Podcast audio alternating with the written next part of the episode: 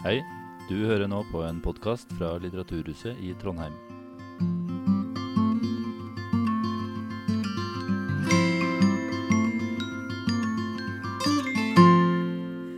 Um, som jeg skriver i boka, så det var en sånn gryende følelse. Det kom ofte om morgenen når jeg tok opp mobilen og så liksom raste det på med både nyheter som jeg prøvde å forholde meg til, verdensnyheter, og, men også mye sånn spam, varsler, meldinger. ikke sant? Eh, den derre vibrasjonen, vibrerende mobilen. Og så uh, var det også Dette her var like etter at Trump hadde blitt valgt. Så det var liksom både i form og innhold så opp opplevde jeg noe jeg kaller for en slags virkelighetsutglidning, sier jeg i boka.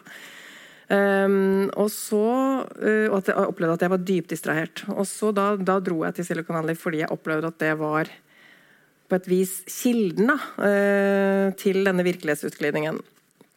Og der uh, så det var dundrende mislykket. Jeg kom ikke inn noen steder. Altså jeg, jeg, kunne liksom, Hvis jeg ønsket, så kunne jeg selvfølgelig kommet innafor resepsjonen til eh, Google og fått en sånn eh, liksom en slags sånn omvisning av en eller annen eh, kommunikasjonstype, liksom. Men, men, det var jo ikke det jeg Jeg ville jo egentlig forske på hva, som, hva, hva slags kraft er det da i medieteknologien. En egenkraft. For jeg har skrevet veldig mye om teknologi de siste eh, årene, og ganske mye kritisk også. Men det å på en måte forstå mediets egenkraft, opplever jeg at det ikke er gjort så mye. Det er ikke tatt på en måte den virkelig sånn idéhistoriske humaniora, liksom. Um, så det Så da, da når jeg var der, og jeg skulle egentlig spørre da Mark Zuckerberg om telepati, for det er hans uh, siste uh, forskningsprosjekt, eller han har i hvert fall reklamert for det. At han har sånn, noe som heter Building 8, hvor han skal uh, forske på hvordan man kan sende hverandre tanker. Uh, fordi, og det vil da gå også veldig mye fortere enn uh, en, å snakke sammen. Så det kan, da løser han jo det problemet der, med at det tar altfor lang tid å snakke.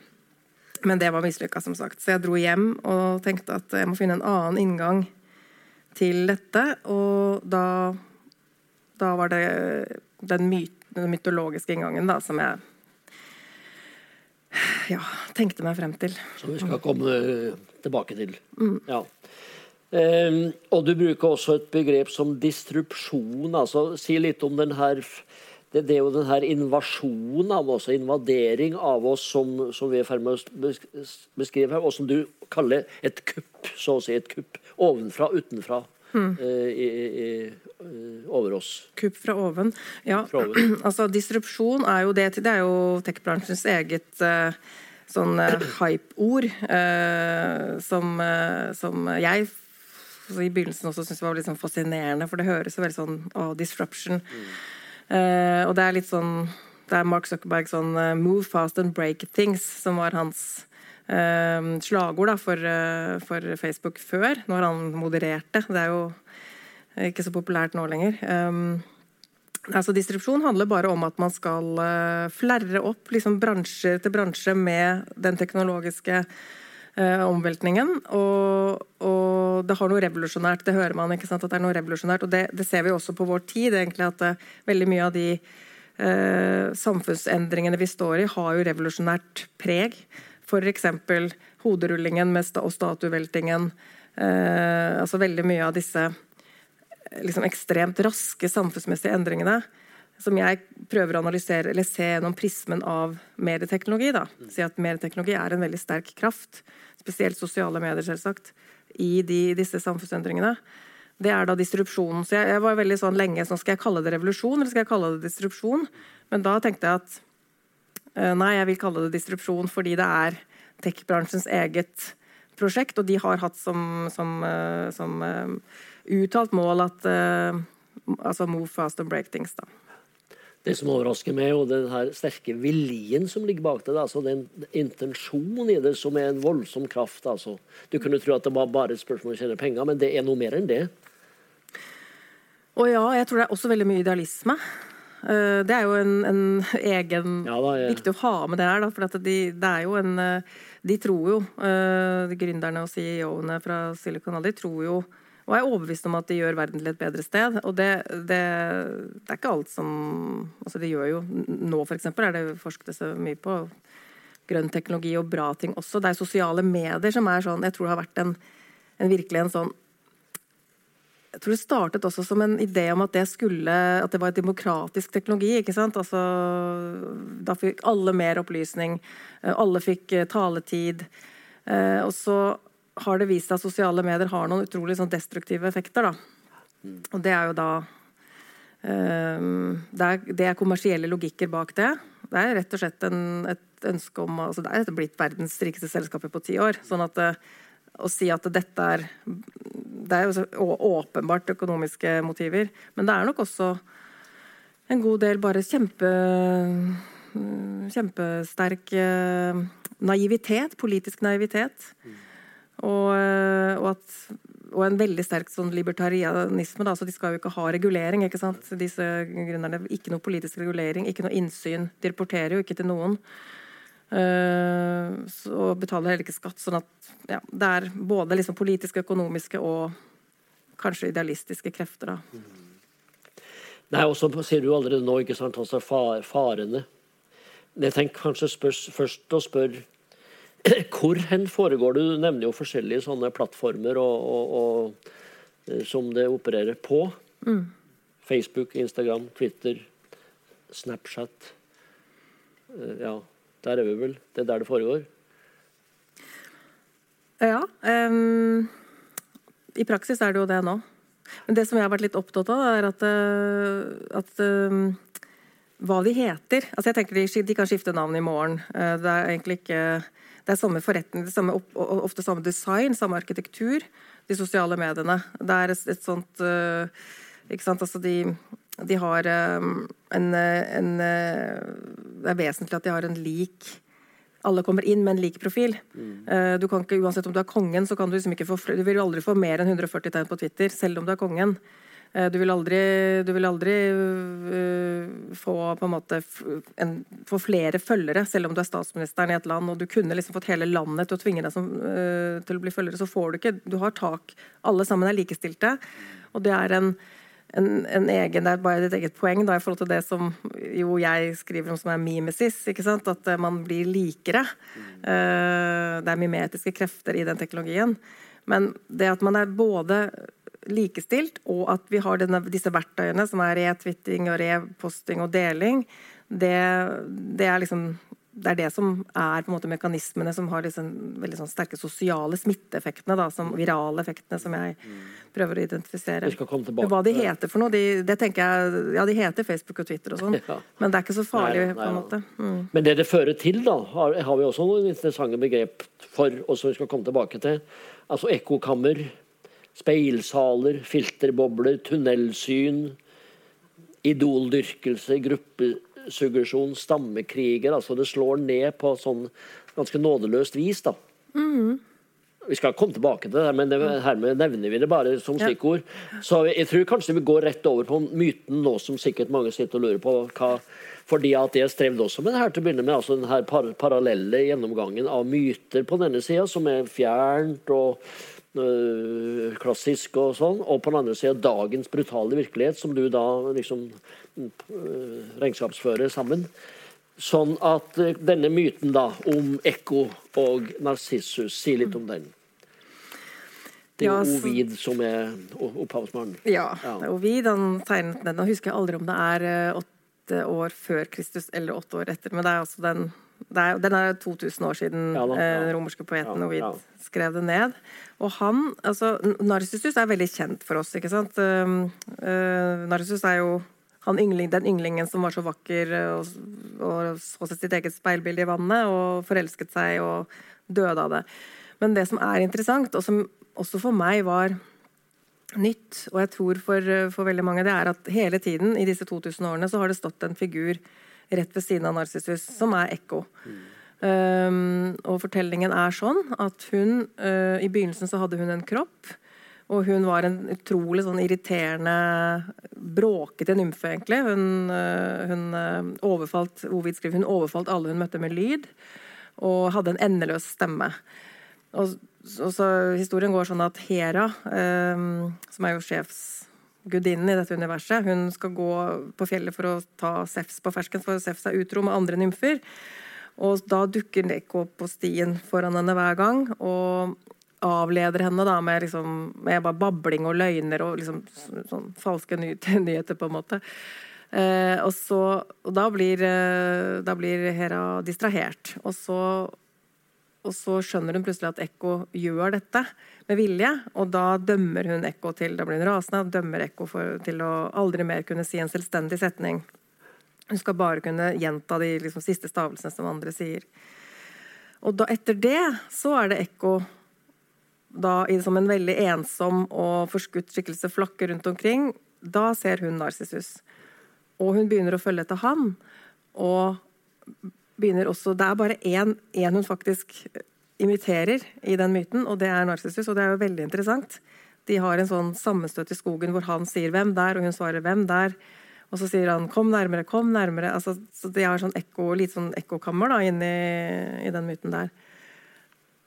Og til slutt, så, når de møtes, så han, han, ser at hun er et virkelig Ikke bare en lyd, som er forlengelsen av hans egen stemme. Det var egentlig hans egen stemme han ble veldig fascinert av. Men når han ser at dette var et virkelig vesen, så, så dytter han henne vekk og går. Og da kommer han til et vann og bøyer seg ned for å drikke. Og så ser han sitt eget speilbilde og forelsker seg. Og det kjemper han mot veldig lenge, og så til slutt så dør han over vannet der, da av kjærlighetssorg, og så, og så sier, sier, han 'farvel, min elskede' til seg selv, og så svarer hun 'farvel, min elskede' fra skogen, da. Så det er på en måte fortellingen, og det som er så rart, er jo at, at eh, hun ikke er ikke sant? Altså Narcissus er så kjent. Han er, det har vært masse diagnoser, eller ikke masse, flere varianter av narsissismediagnosen. men psykologisk, en psykiatrisk, en kulturvariant. Uh, Narsissus er veldig mye diktet om, og, mens Ekko, som jo på en måte er der som omgivelse hele tiden, hun imiterer han. Hun er på en måte en betingelse, kulturell betingelse i den myten for, uh, for at han kan finne sted. Hun er helt borte. Um, og når jeg gikk inn i det, så ble jeg fascinert av henne fordi jeg egentlig følte at uh, veldig mye av det vi ser, da, noe, som vi kaller for narsissisme i dag, altså sånn Trump og narsissistisk kultur, rosa bloggere med silikonpupper og det er på en måte kan Det er min liksom, teori, da. Kan være uttrykk for en dypere kulturell egoisme. Som egentlig er at vi imiterer hverandre. Det å imitere ligger veldig dypt i menneske, menneskets natur. Og nå skal vi snart komme til mimesis. Ja. Men eh, et poeng her er vel det at det ekko gjør, da, er, er, skjult for oss. altså. Det er denne skjulte etteraping og, og mekanismer der, mens altså alt omkring narsiss, narsissus er mer åpent og, og kjent. Så der er det et, no, noen poeng. Mimesis. Hva er opphavet til begrepet om, og, og den sida ved mytologien her? Ja, så det, mimesis, mimesis. Mimesis, ja. ja um, altså mimesis um, Det var Jeg oppdaget underveis at, at det er faktisk en filosof. Uh, altså Mimesis er sikkert veldig mange som forbinder mimesis med Aristoteles. og liksom Aristoteles Platon de hadde etterlign, og etterlingene. de kalte det mimesis. Men det er en annen filosof som har videreutviklet mimesis til å bli en stor teori om menneskets altså, sosiale trang til å passe inn og egentlig liksom bli en del av den kulturen vi er i, og det kaller han eh, for mimesis. Og det er egentlig en sånn dyp altså, Det kanskje som i naturvitenskapen mye mer kalles for speilnevroner, da. Men som er trangen til å, å kopiere, rett og slett. Akkurat som ekko. Så jeg opplever at det egentlig er en slags sånn teori om ekko. Og når jeg var i Silicon Valley, så oppdaget at det er en filosof som har laget hele denne mimetiske teorien. og Han heter René Girard, og han underviste på Stanford-universitetet, som, um, som, ligger midt i Silicon Valley. Sånn superprestisjefylt uh, universitet som uh, har veldig mange berømte statsvitere og, og, økonomer, egentlig. Og veldig mange av de der CEO-ene og gründerne de har gått på Stanford. ikke sant? Annet Petter Thiel, som jeg uh, liksom har ja, skrevet ganske mye om i denne boka. Uh, fordi jeg ble ja, veldig hekta på han, da. Uh, han var en elev av Girard. men han, ja, han, utviklet altså den memetiske teorien, og den kan jeg jo snakke masse om. Vi skal, vi skal iallfall komme tilbake til det slik at du får anledning til å snakke. Du tenker ja. å, å, drive det litt framover her. I, ja. Vi har veldig mange ting å ta opp her, og jeg skal ikke avbryte det, i, hogge det av i lufta. Men altså eh, Ekko, da, med, med, som du sier at dagens ekko er viral av natur, og du mm. bruker uttrykket algoritmer som smittebærere, altså den sterke krafta i det her, og sprer seg som virus. Og derunder altså at Ekko sprer da, som du allerede var inne på, falsknerier og spinn og løgner og rykter og så den type ting. Men så skal vi se på et annet moment her, nemlig, og det syns jeg var øh, fascinerende, det at det sprer jo også den her beundringen hos oss overfor andre, altså det du kaller for fandom. Mm.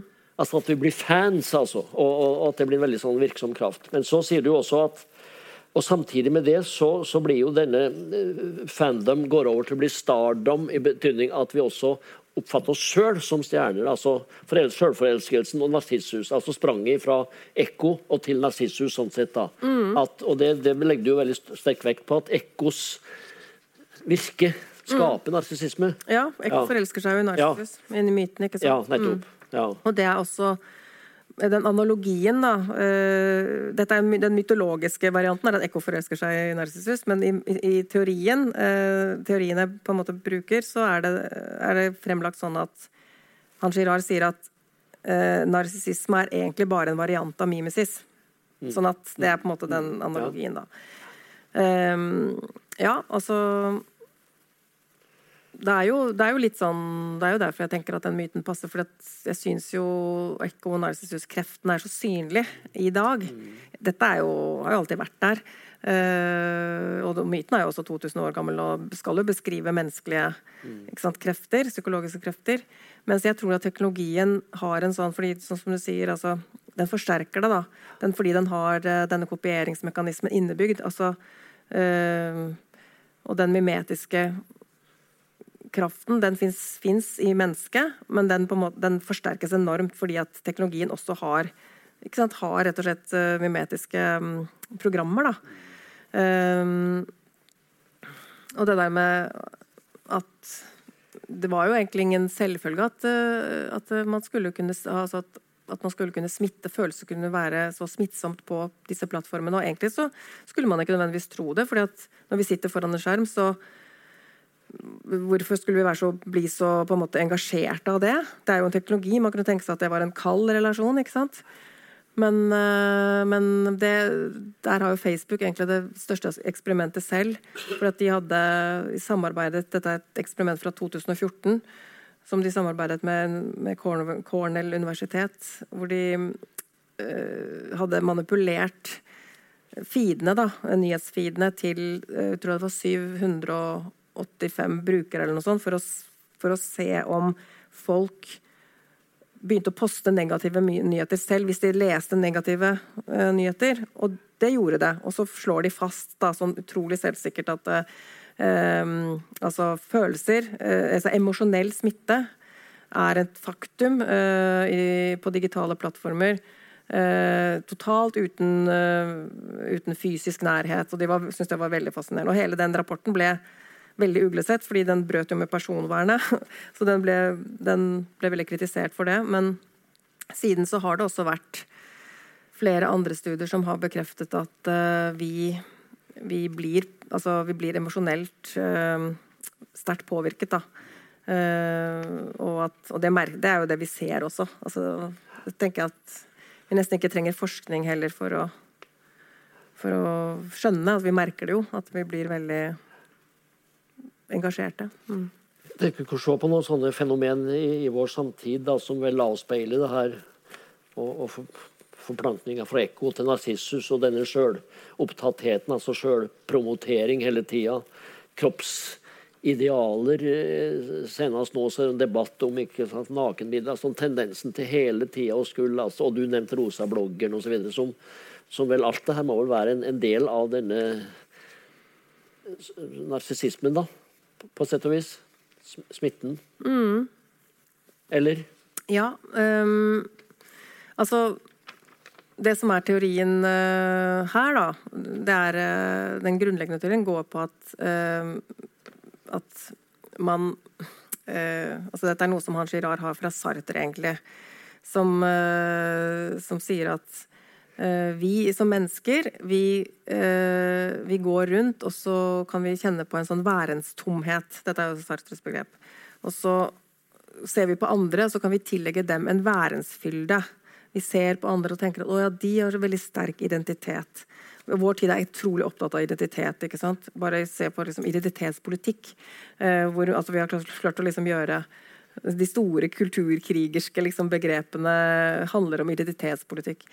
Eh, og det tror jeg har også å gjøre med at, man, altså at det er en opplevelse av at identitet er truet. Identitet er en mangelvare. Um, og teorien til, eh, til, Girard da, det er at eh, ja, vi fører denne værenstomheten, uh, og vi tror andre har en værensfylde. Og da begynner vi å liksom hige etter dem, så vi, vi, på en måte litt ubevisst begynner å invitere dem. Begjære. Ja, begjære deres begjære, Man begjærer en identitet, da.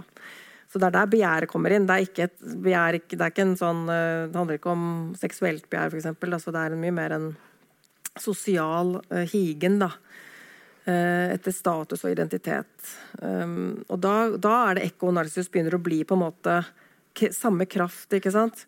At jeg tror jo egentlig at veldig mye av det som vi kommer an på hvordan man skal definere narsissisme, men vi, jeg tror at mye av det vi tror er narsissisme, som vi bare tror er sånn at den personen der er ekstremt selvopptatt og selvforelsket og elsker seg selv. Jeg tror egentlig det er uttrykk for en sånn værenstomhet, hvor man og det, det, altså, det, er derfor også det er interessant at veldig, altså en rosablogger eh, eller influenser, eller hva man skal kalle det, da, det er jo et type sånn utseende som ofte blir brukt som et bevis på at uh, det, altså, disse folka her er liksom narsissister. Men de er jo like.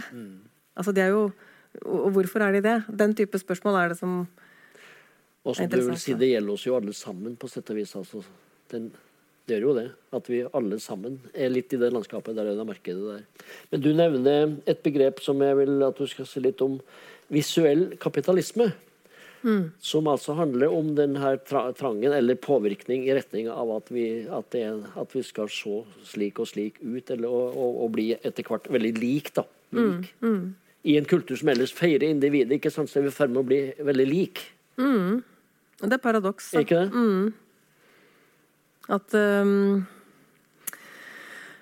ja, altså vi, vi, jeg tror derfor også mimesis uh, og ekko er fortrengt, egentlig. Altså at det er at dette er en side av mennesket som vi ikke vil vedkjenne oss, eller vil se på. fordi at det er uh, det å ha et liksom, sterkt, uh, autonomt, individuelt jeg, er liksom en veldig viktig del av moderniteten. Da. Det er liksom det er, og det derre 'vær deg selv'. Altså Man sier sånne ting som, som uh, sånne reklameslagord som egentlig ikke betyr noen ting. fordi at i hvert fall ut fra et sånt mimetisk ståsted, så er det å være seg selv bare det er en umulighet. Man, er man kan bare bli noen i, altså i relasjon til andre. Mm. Man kan bare bli noen ved å bli til gjennom andres blikk. Mm.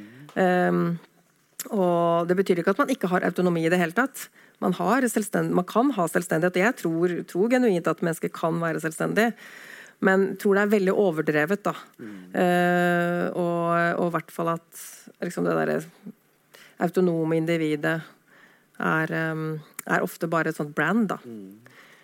Um, men visuell kapitalisme, ja. Det, det tenker jeg um, Det er litt det det er det som er Silicon Valleys eh, sånn mytologiske tiltrekningskraft mye. Da. Det er at de har klart å, å um, forvalte det som er bildets Før så var det ofte religiøs kraft, altså ikonologien, og man, man, man kunne være bildestormere. ikke sant? Eller man, var, Bildet har en sterk kraft. Sånn at det der å, å, å, kunne kunne gjøre hele verden til, til, mediebrukere, sosiale mediebrukere på, på uh, så kort tid, det sier jo ganske mye. Hvor man eh, Alt vi gjør. Vi, vi, jobber der, vi går på skole altså vi, vi har sosiale liv der, vi nettverker der, vi vi finner partnere der. altså Det, det å kunne gjøre den, hele, altså den totale liksom, helomvendingen på så kort tid, det sier noe om en visuell kapitalistisk um, um, Eller distribusjonskraft, da. Mm. Et annet begrep du bruker, er atferdsøkonomi, som vel handler om altså måten vi, vi blir svekka på, eller altså i vår motstand og vår bevissthet, så, så blir vi altså ledd i en sånn for du sier her at, at vi har altså begrensa rasjonalitet, vi har begrensa viljestyrke og begrensa evne til å forfølge egentlig egne interesser. og Dermed så går vi over på autopilot og, og, og går inn i og blir offer for ekko og mimesis, altså. Mm. Det er riktig oppfatta? Ja, ja, altså det var jo Jeg moret meg veldig med det der at eh, For at, altså, oppmerksomhetsøkonomien er jo Silicon Valleys forretningsmodell. Mm. Um, den, den, det ordet har ikke jeg funnet på, det er et etablert ord, egentlig, som, som, uh, som de som har jobbet i selskapene selv, har beskrevet. Da. De har brutt ut, det er, veldig, det er, jo det som skjer nå. At det er mange som det er jo en slags motstandsbevegelse på gang mot de store selskapene. Eh, og, veldig, og, og initiert ofte av folk som har jobbet der og vært med på å utvikle eh, Ja, for eh, de, de, sier at dette har hatt inhumane Dette er blitt en inhuman teknologi. Dette går utover altså De vil ikke ha barna sine De gir jo ikke Det er jo en kjent sak, liksom, at den Steinerskolen er veldig stor i Silicon Valley, for å si det sånn. Ehm, men, eh, men, de har da beskrevet den oppmerksomhetsøkonomien, og jeg har moret meg veldig med å lage en sånn en sånn øh, øh, slags øh, ja, tegnet opp dette som et kretsløp. Altså det, kan, det er så konkret. Oppmerksomhetsøkonomi er ikke en metafor. Det er ikke noe fluffy, noe sånn det er, en, det, er en, det er, bygget opp avdelinger hvor man måler, lagrer oppmerksomhet. fordi det kan man i dag. ikke sant? På nettet kan man se hvor lenge er man over det bildet. Klikker man på det bildet, fører det til kjøp? Uh, hvor går man videre? Og en del, Man kan også måle ansiktsfarge, skifting av ansiktsfarge. Man kan lage store analyser. Altså, dette er noe som selskapene har gjort over, uh, over mange, altså over ti år. ikke sant? Over drøye ti år. Og da er det sånn De lagrer, og så selger de oppmerksomheten. Dette er en modell som er 100 reklamefinansiert. Um, selger de oppmerksomheten. Og så kan de også, ved å ha lagret veldig mye, um, kunne lage nye produkter av kunstig intelligens. Fordi man sitter med så mye stordata etter hvert at man kan F.eks. ansiktsgjenkjenning eller talegjenkjenning er jo type sånne nye produkter av uh, kunstig intelligens som man bare kunne fått det, er derfor Google og Facebook kan gå videre. Og også nå kommer inn i skole og, og helse og mye andre nye. Det er, de, det er de som har hatt all den, all, all den stordataen, og som er oppsamlet av vår oppmerksomhet. Vår årvåkenhet, vår konsentrasjon, er forferdelig mye verdt. Men dette kretsløpet, da, det var det jeg syntes var så gøy. At det, det, ligner egentlig Det kunne nesten tegnes som et sånt uh, Som et sånt fabrikksamlebåndsløp, uh, egentlig. Hvis man ville likt å tegne som plansje. ja. Du bruker uttrykk som 'pay attention, buy attention', altså dette kjøp og salg av oppmerksomhet. Ja, ja. ja for det ligger jo allerede i altså oppmerksomhetsøkonomien er, eller oppmerksomhet er lønnsomt. Det å gi øynene til noen i ørene til noen, det er klart at det, det, er, det er, jo at det har en sterk verdi. Det vet vi jo. Uh, og det har alltid vært der, og det ligger i uttrykk som sånn 'pay attention to'. Um, men, men, det å gjøre det til uh, som du sa, atferdsøkonomien, det er der det er på en måte blitt en, en vitenskap. da. Uh, så det er noe av mitt motiv. da, Det er å, å gjøre folk oppmerksom på hvor verdifull oppmerksomheten er. Mm. Jeg tenkte du skulle komme over litt på de mer alvorlige på en måte, virkninger og konsekvenser av det her. da. er altså McLuhan er det som sier at den elektroniske tidsalderen stripper oss for identitet. Og, og at, at, det er noen mekanismer her sant, som presser identiteten. Og, og, hva fører det til? Jeg vet jo at det er noen som tenker på at det Kanskje du er inne på, jeg husker ikke farten, men at eh, det at en blir til ikke noen, mm. altså fører til at en blir desperat etter å bli til noen, og, og derfor foretar seg de mest vanvittige ting for å bli til noen, deriblant f.eks. voldsutøvelse, som en mulig sånn me mekanisme i det her. Mm. Og eh, også kanskje denne lengselen imot et fellesskap. Et desperat, en desperat lengsel etter et eller annet fellesskap må jo kunne skaffe med. I, fordi at en savner sin egen liksom, identitet. Er du med på den linja der? Mm, absolutt.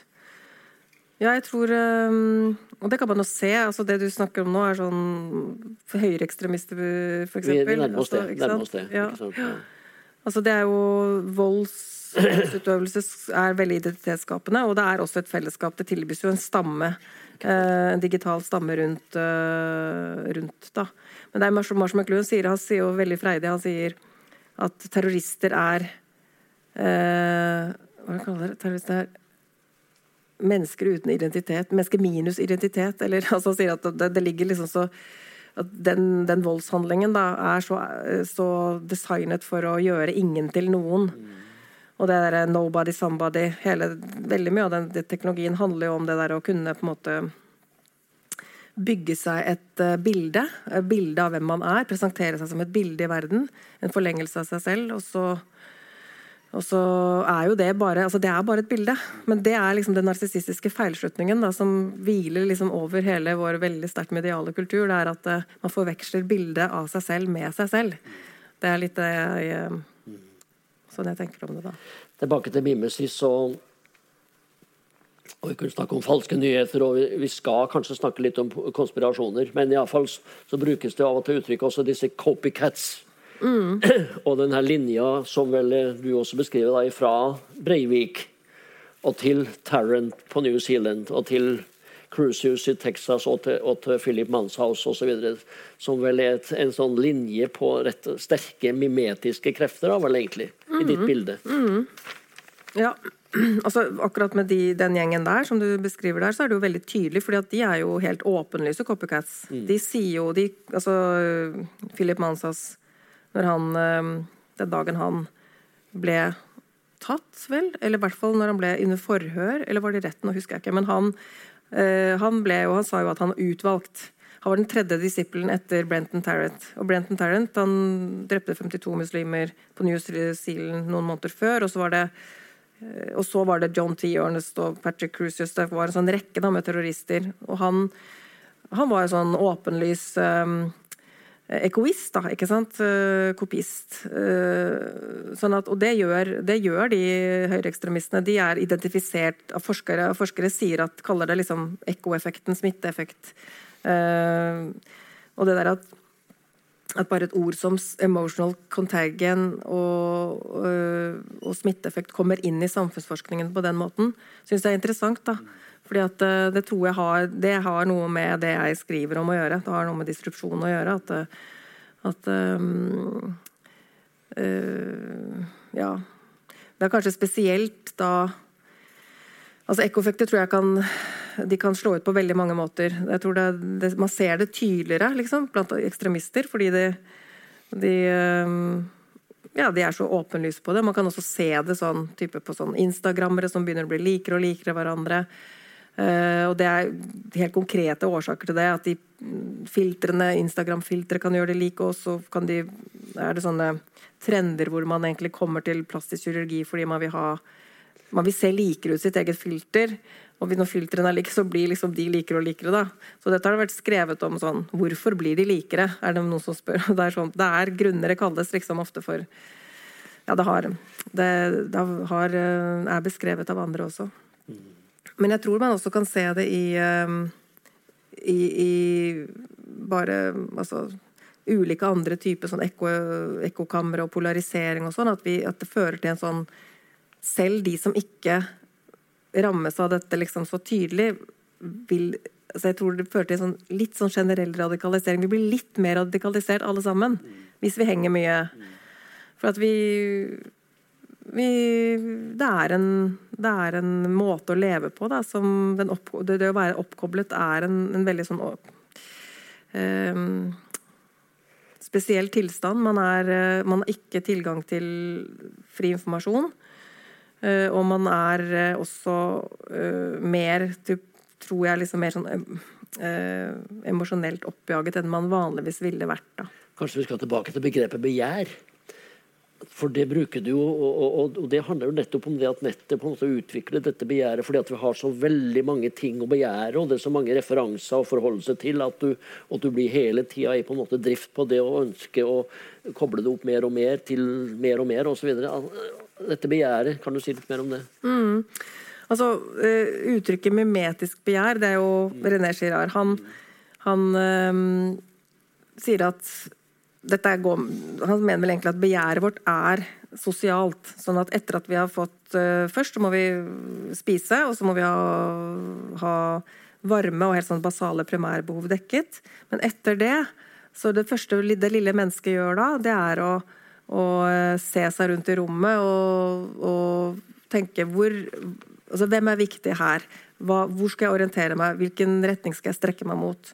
Det er sosialt begjær han egentlig snakker om, da, det mimetiske begjæret. Og så, kan man se sånn de tidlige En sånn veldig tidlig eksempel på det er sånn unger som leker. At, uh, at uh, det kan reise seg altså en, Hvis det er en gjeng med unger i, i en sandkasse, og, én reiser seg for å gå mot en traktor, så kan liksom plutselig de rundt storme bort for å få den traktoren og liksom Yes. Mm. Og da er det ikke den traktoren nødvendigvis, men det er det at noen andre har, falt, har latt sitt blikk falle på den. Og ja, så Det kan man se også. Barn har kanskje litt mer Og den prinsessekjolen, da skal alle ha sånn prinsessekjolen. De har litt mer av den der mimesis, mimesis er litt tydeligere. Uh, men uh, Girard mente at dette fortsatte uh, når vi ble eldre, men det ble mye mer sånn internalisert, og det, det skjedde på, på, på måter som var sånn at vi bare automatisk til, tilla noe verdi da, rundt visse typer status. Eksempel, hvorfor, hvorfor, er det noen jobber som er eh, attraktive og høy status, selv om de, de er ikke nyttige jobber? De er ikke mm, jobber som nødvendigvis gjør oss lykkelige.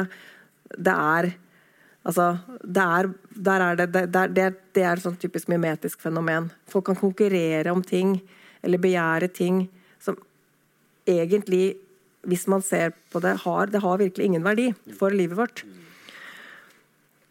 Uh, så, så, og alle sånne ting som type ja, trender og moter og tidsånd som skifter, og boligbobler som jo, ikke sant altså oppblåste verdier, da, finansbobler, det er sånne mimetiske fenomener. da, Typisk. Vi hermer etter hverandre. Vi kan, altså, det er, uh, jeg syns det er ganske interessant. Jeg tror kanskje at den teorien er litt overdrevet, uh, sånn som han Girard fremlegger den, men jeg syns det er også veldig avslørende. altså på uh, For å se særlig på litt sånn samfunnsavstand, når man ser liksom tidsånd som skifter, f.eks. Hvorfor gjør det det? Hvorfor, mener vi plutselig da, hvorfor er plutselig alle enige om at nå er det sånn? Jo, fordi det er mimis. Mm. Fryktelig rart da at vi blir så orientert imot det og så underlagt det her i en kultur og en samtid som i den grad dyrker autentisitet og individ og selvstendighet og integritet, og, og, så er vi altså samtidig i det landskapet der. Det, ja, ja. er veldig rart i det der. Det er veldig rart, men tror du ikke også det henger litt sammen? Jo, det er jo det du har for så vidt fått fram, da. Ja, altså, Det er jo fint hvis man egentlig ikke vil, vil eh, Altså det å ha liksom mimetisk eh, en, en, trang da, til å passe inn og sånn, at ja. det er når det blir skamfullt, så blir det sånn åh, sånn, Nei, jeg altså, Sånn er jeg, altså. Jeg bare, sånn, Egentlig ja. sånn. Veldig... Ja. Ja, eh, klokka går jo, og vi skal altså ikke ha en pause, men vi skal ha en samtale etterpå med, med salen. Men vi skal gjøre oss ferdig med noen punkt til. Eh, Bob, Bob, Bob, Bob, det har vi snakka om. Eh, ja. Over på konspirasjonsteorier, ja. Og, og den her merkverdige Så vidt jeg har forstått det, da, så tenker du at At det er en slags sammenheng da imellom på den ene sida det at vi følger andre, altså mimesis, over til det at vi går over også til å bli en mistenksom forfølger. Mm. Altså konspirasjonsteorier. Altså det at, at, det, at det er skaper forfølgelse og jakt på syndebukker, som du snakker mye om. ikke sant? Det at, at disse konspirasjonsteoriene er jo egnet nettopp til det. ikke sant? Å skape forfølgelse, mistenkeliggjøring osv. osv. Mm. Det vil jeg gjerne høre at du sier litt mer om. Ja. Um, hvordan skal jeg begynne da? Er, jeg tror at um, kanskje Hvis jeg klarte å forklare litt hva mimesis var, at det kan være en inngang, fordi um, Altså det han, han mener, da, er at mimesis, altså det mimetiske begjær, gjør at vi, for, altså vi følger etter. Vi følger etter, Akkurat som Ekko følger etter Narsissus og hermer etter han så, så, følger vi etter hverandre. Eller vi følger etter andre vi, liksom, vi, vi gjerne vil, ubevisst kanskje, ligne litt på. Da vi må liksom summe oss sammen, blir en del av det samme kulturelle fellesskapet. Min, dette blir min stamme. Men hvis man blir for like, så, så havner man i rivaliserende posisjon. For da konkurrerer man jo faktisk om det samme. Sånn at uh, dette mimetiske begjæret havner har en sånn Baksiden av medaljen er at det fører til konkurranse og rivalisering. Og det Girards store poeng da, det var at, eh, at uh, hvis rivaliseringen ble sterk, så kan det utbryte og, det, og, samfunnet er presset, så kan det utbryte uh, mimetiske kriser. Uh, og det, det en, Da kommer det sånn mimetisk snøballseffekt. Da kommer vi i en, i en sånn situasjon hvor alle er i krig med alle. Og han, det, hans teori er jo egentlig en stor kulturteori. Han, hans, han analyserer gamle myter, egentlig. Altså, og, og, påviser dette slags sånn, prøver å finne et mønster da, som går gjennom tusenvis av år. Eh, og sier at eh, i samfunn som har vært preget av mimetiske kriser, det er veldig ofte rammet av pest. Det er interessant nå som vi har vært i en pandemi. Hvorfor disse ganske, altså Det som skjedde i USA, f.eks. Eh, den veldig sterke rivaliseringen da, og den virkelighetsutglidningen som var der, stormingen av Kongressen, med, med pandemi som bakteppe. ikke sant? Altså det var, hva, hva slags krefter var i spill der?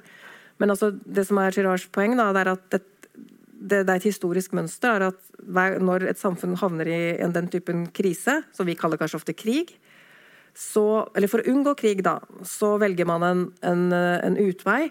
Og det er at man går fra øh, fra en formasjon som er alle mot alle, til en formasjon som er alle mot én.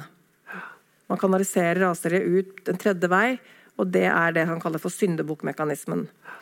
Og eh, Syndebukk er jo et ord vi er kjent med i dag, men opprinnelig var det en, en faktisk bukk eh, som ble ofret. Og man, menneskene kunne legge sine synder på det, så kunne den gå ut i ørkenen, og så var man ferdig. Så det var en sånn, liksom, sånn rensende katarsiseffekt. da. Um, Sånn at det er, det er uh, Hans Stader han sier liksom mimetisk rivalisering, mimetisk krise og syndebukkmekanismen. Mm.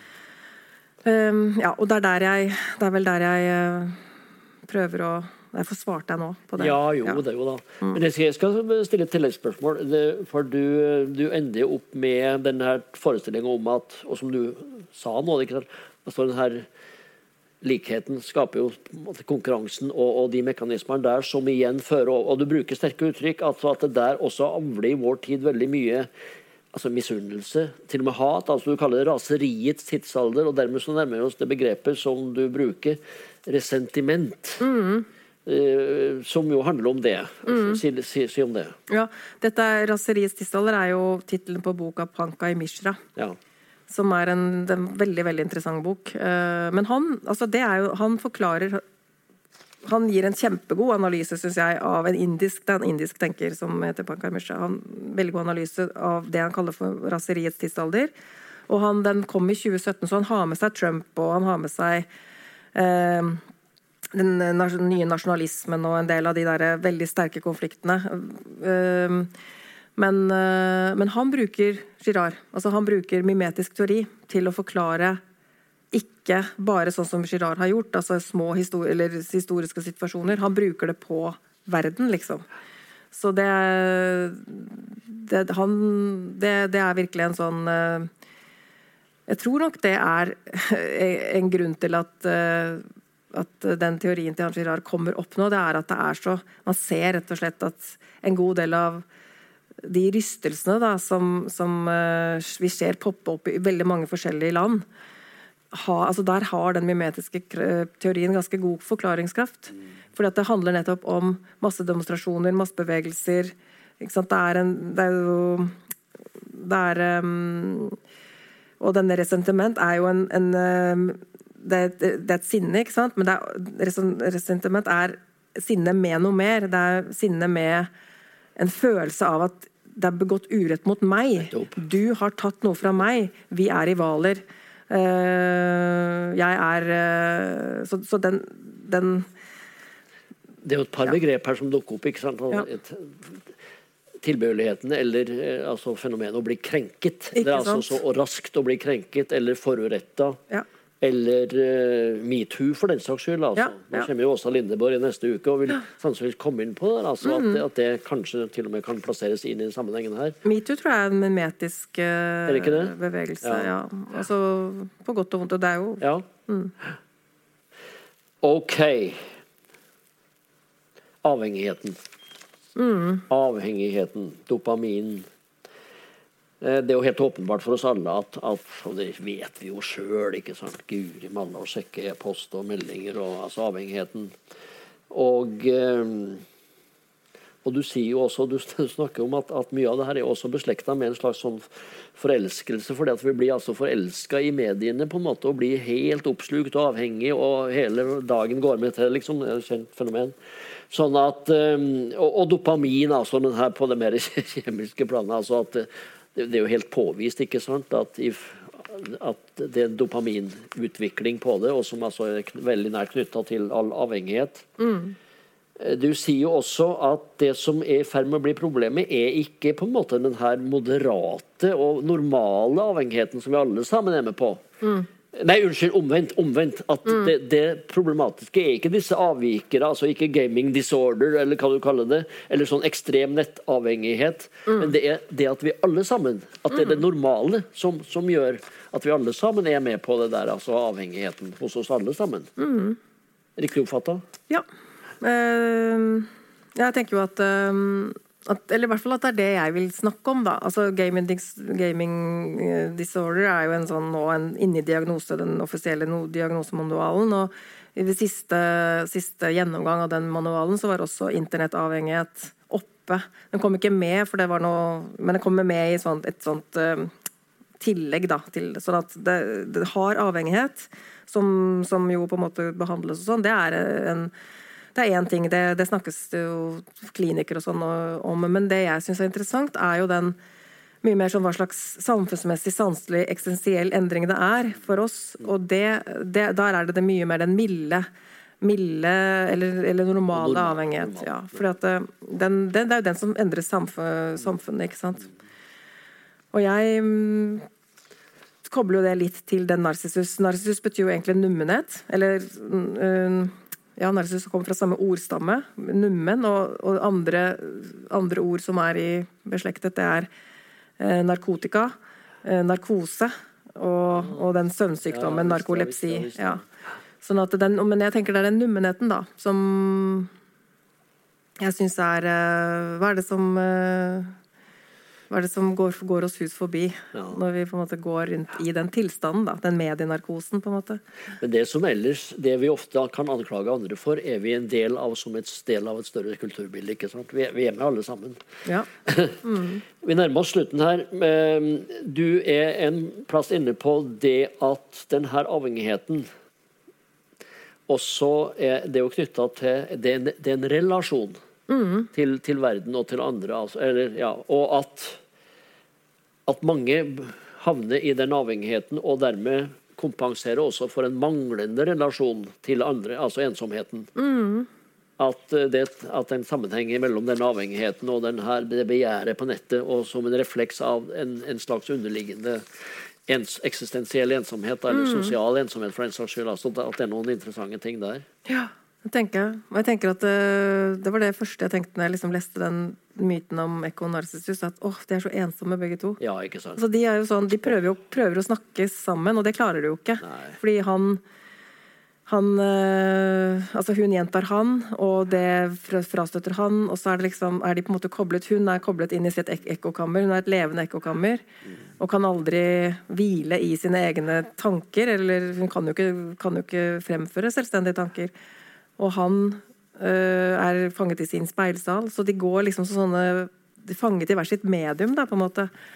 Og, så, og han dør jo av det. Så det er jo en sånn advarsel i det. Og hun dør ikke, da. Så det er det jeg gjør. Det er derfor jeg også syns hun er en bra hun er en bra metafor, egentlig. For at hun overlever han, og hun får siste ordet. Ja. Uh, og er liksom en kraft som på en måte også omringer han litt, da. Ja, nei, det er sterke ting. Det, det, det, det er noe nakent over det som er, som er veldig gripende. Og, og, og nesten noe trist over det. ja, ja. Nei, men Og også til slutt det fremmedgjørende som du også er inne på, da, nemlig det at, at denne her det at vi er så fanga på en måte i, i, i det her, da, som vi jo er alle sammen.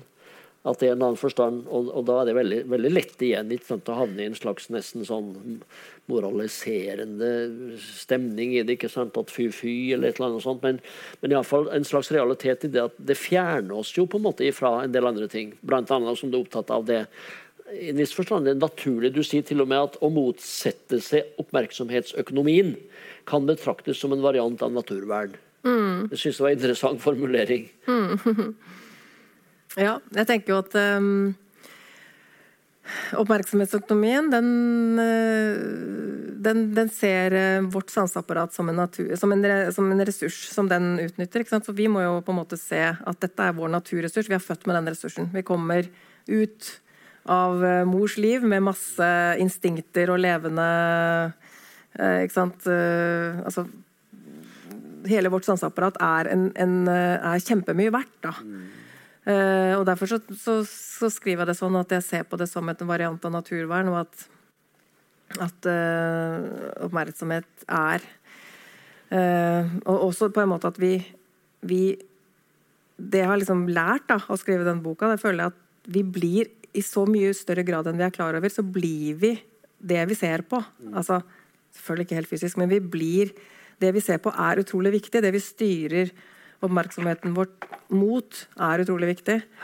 Eh, sånn at, eh, at nå, da, for eksempel, når vi står i denne enorme klimakrisen og denne liksom har disse mørke utsiktene, så er det å, å knytte håp til retningen vi ser, i seg selv viktig. da. Hva, hva vi, og vi klarer å på en måte ved, Mennesker har klart de helt utroligste ting før i historien ved å konsentrere, strekke seg mot, uh, mot et mål og styre blikket mot det og, og konsentrere seg om det. Så for jeg tror at Noe av den der veldig dystopien som kan ramme, og det mørket som kan, som kan ramme i samtiden, da, det handler også om at vi sitter jo foran altså Vi føler at vi, vi er handlingslammet, for vi sitter for mye foran skjerm. Da. Vi er syv timer i, i gjennomsnitt. Eh, verdensborgeren er syv timer i gjennomsnitt eh, online. Eh, og det betyr at noen er mer. Um, og det er ikke det at alt, er, alt det der er meningsløs tid i det hele tatt. Mye av det er jo Jeg er ikke noe sånn klima... Nei, jeg er ikke noe teknologipessimist, selv om det sikkert høres sånn ut. Så tenker jeg at det er ikke, det er ikke at vi ikke skal bruke det, men vi, vi må virke, altså vite at at uh, styr, altså Vi må sette teknologien i vår tjeneste, da. Og styre den dit vi vil. Jeg kan ikke dy meg for å fortelle om treet mitt. Har tre. Det er mange her som, mange forsamlinger som faktisk er med opp dit av og til. Nettopp en slags flukt til, over i noe annet, altså en annen type oppmerksomhet. Snakke med tre. det høres helt annet ut, men det, men det er noe der om at du vender på en måte oppmerksomheten bort Ja. i retning av noe, av noe helt annet, liksom. Og, og, og akkurat den tendensen ser jeg nå, det er flere som kjenner til det, at, at det har blitt et slags fenomen. ikke sant, At du gjerne vil ha flere som et alternativ, eller som et tillegg, eller supplement, eller av og til en erstatning sant, for denne andre avhengigheten, så, så søker du altså et oppmerksomhetsfelt av en annen type, liksom. Og det kanskje kan være et fint vekselbruk, da, tenker jeg. Veldig fint. Ja.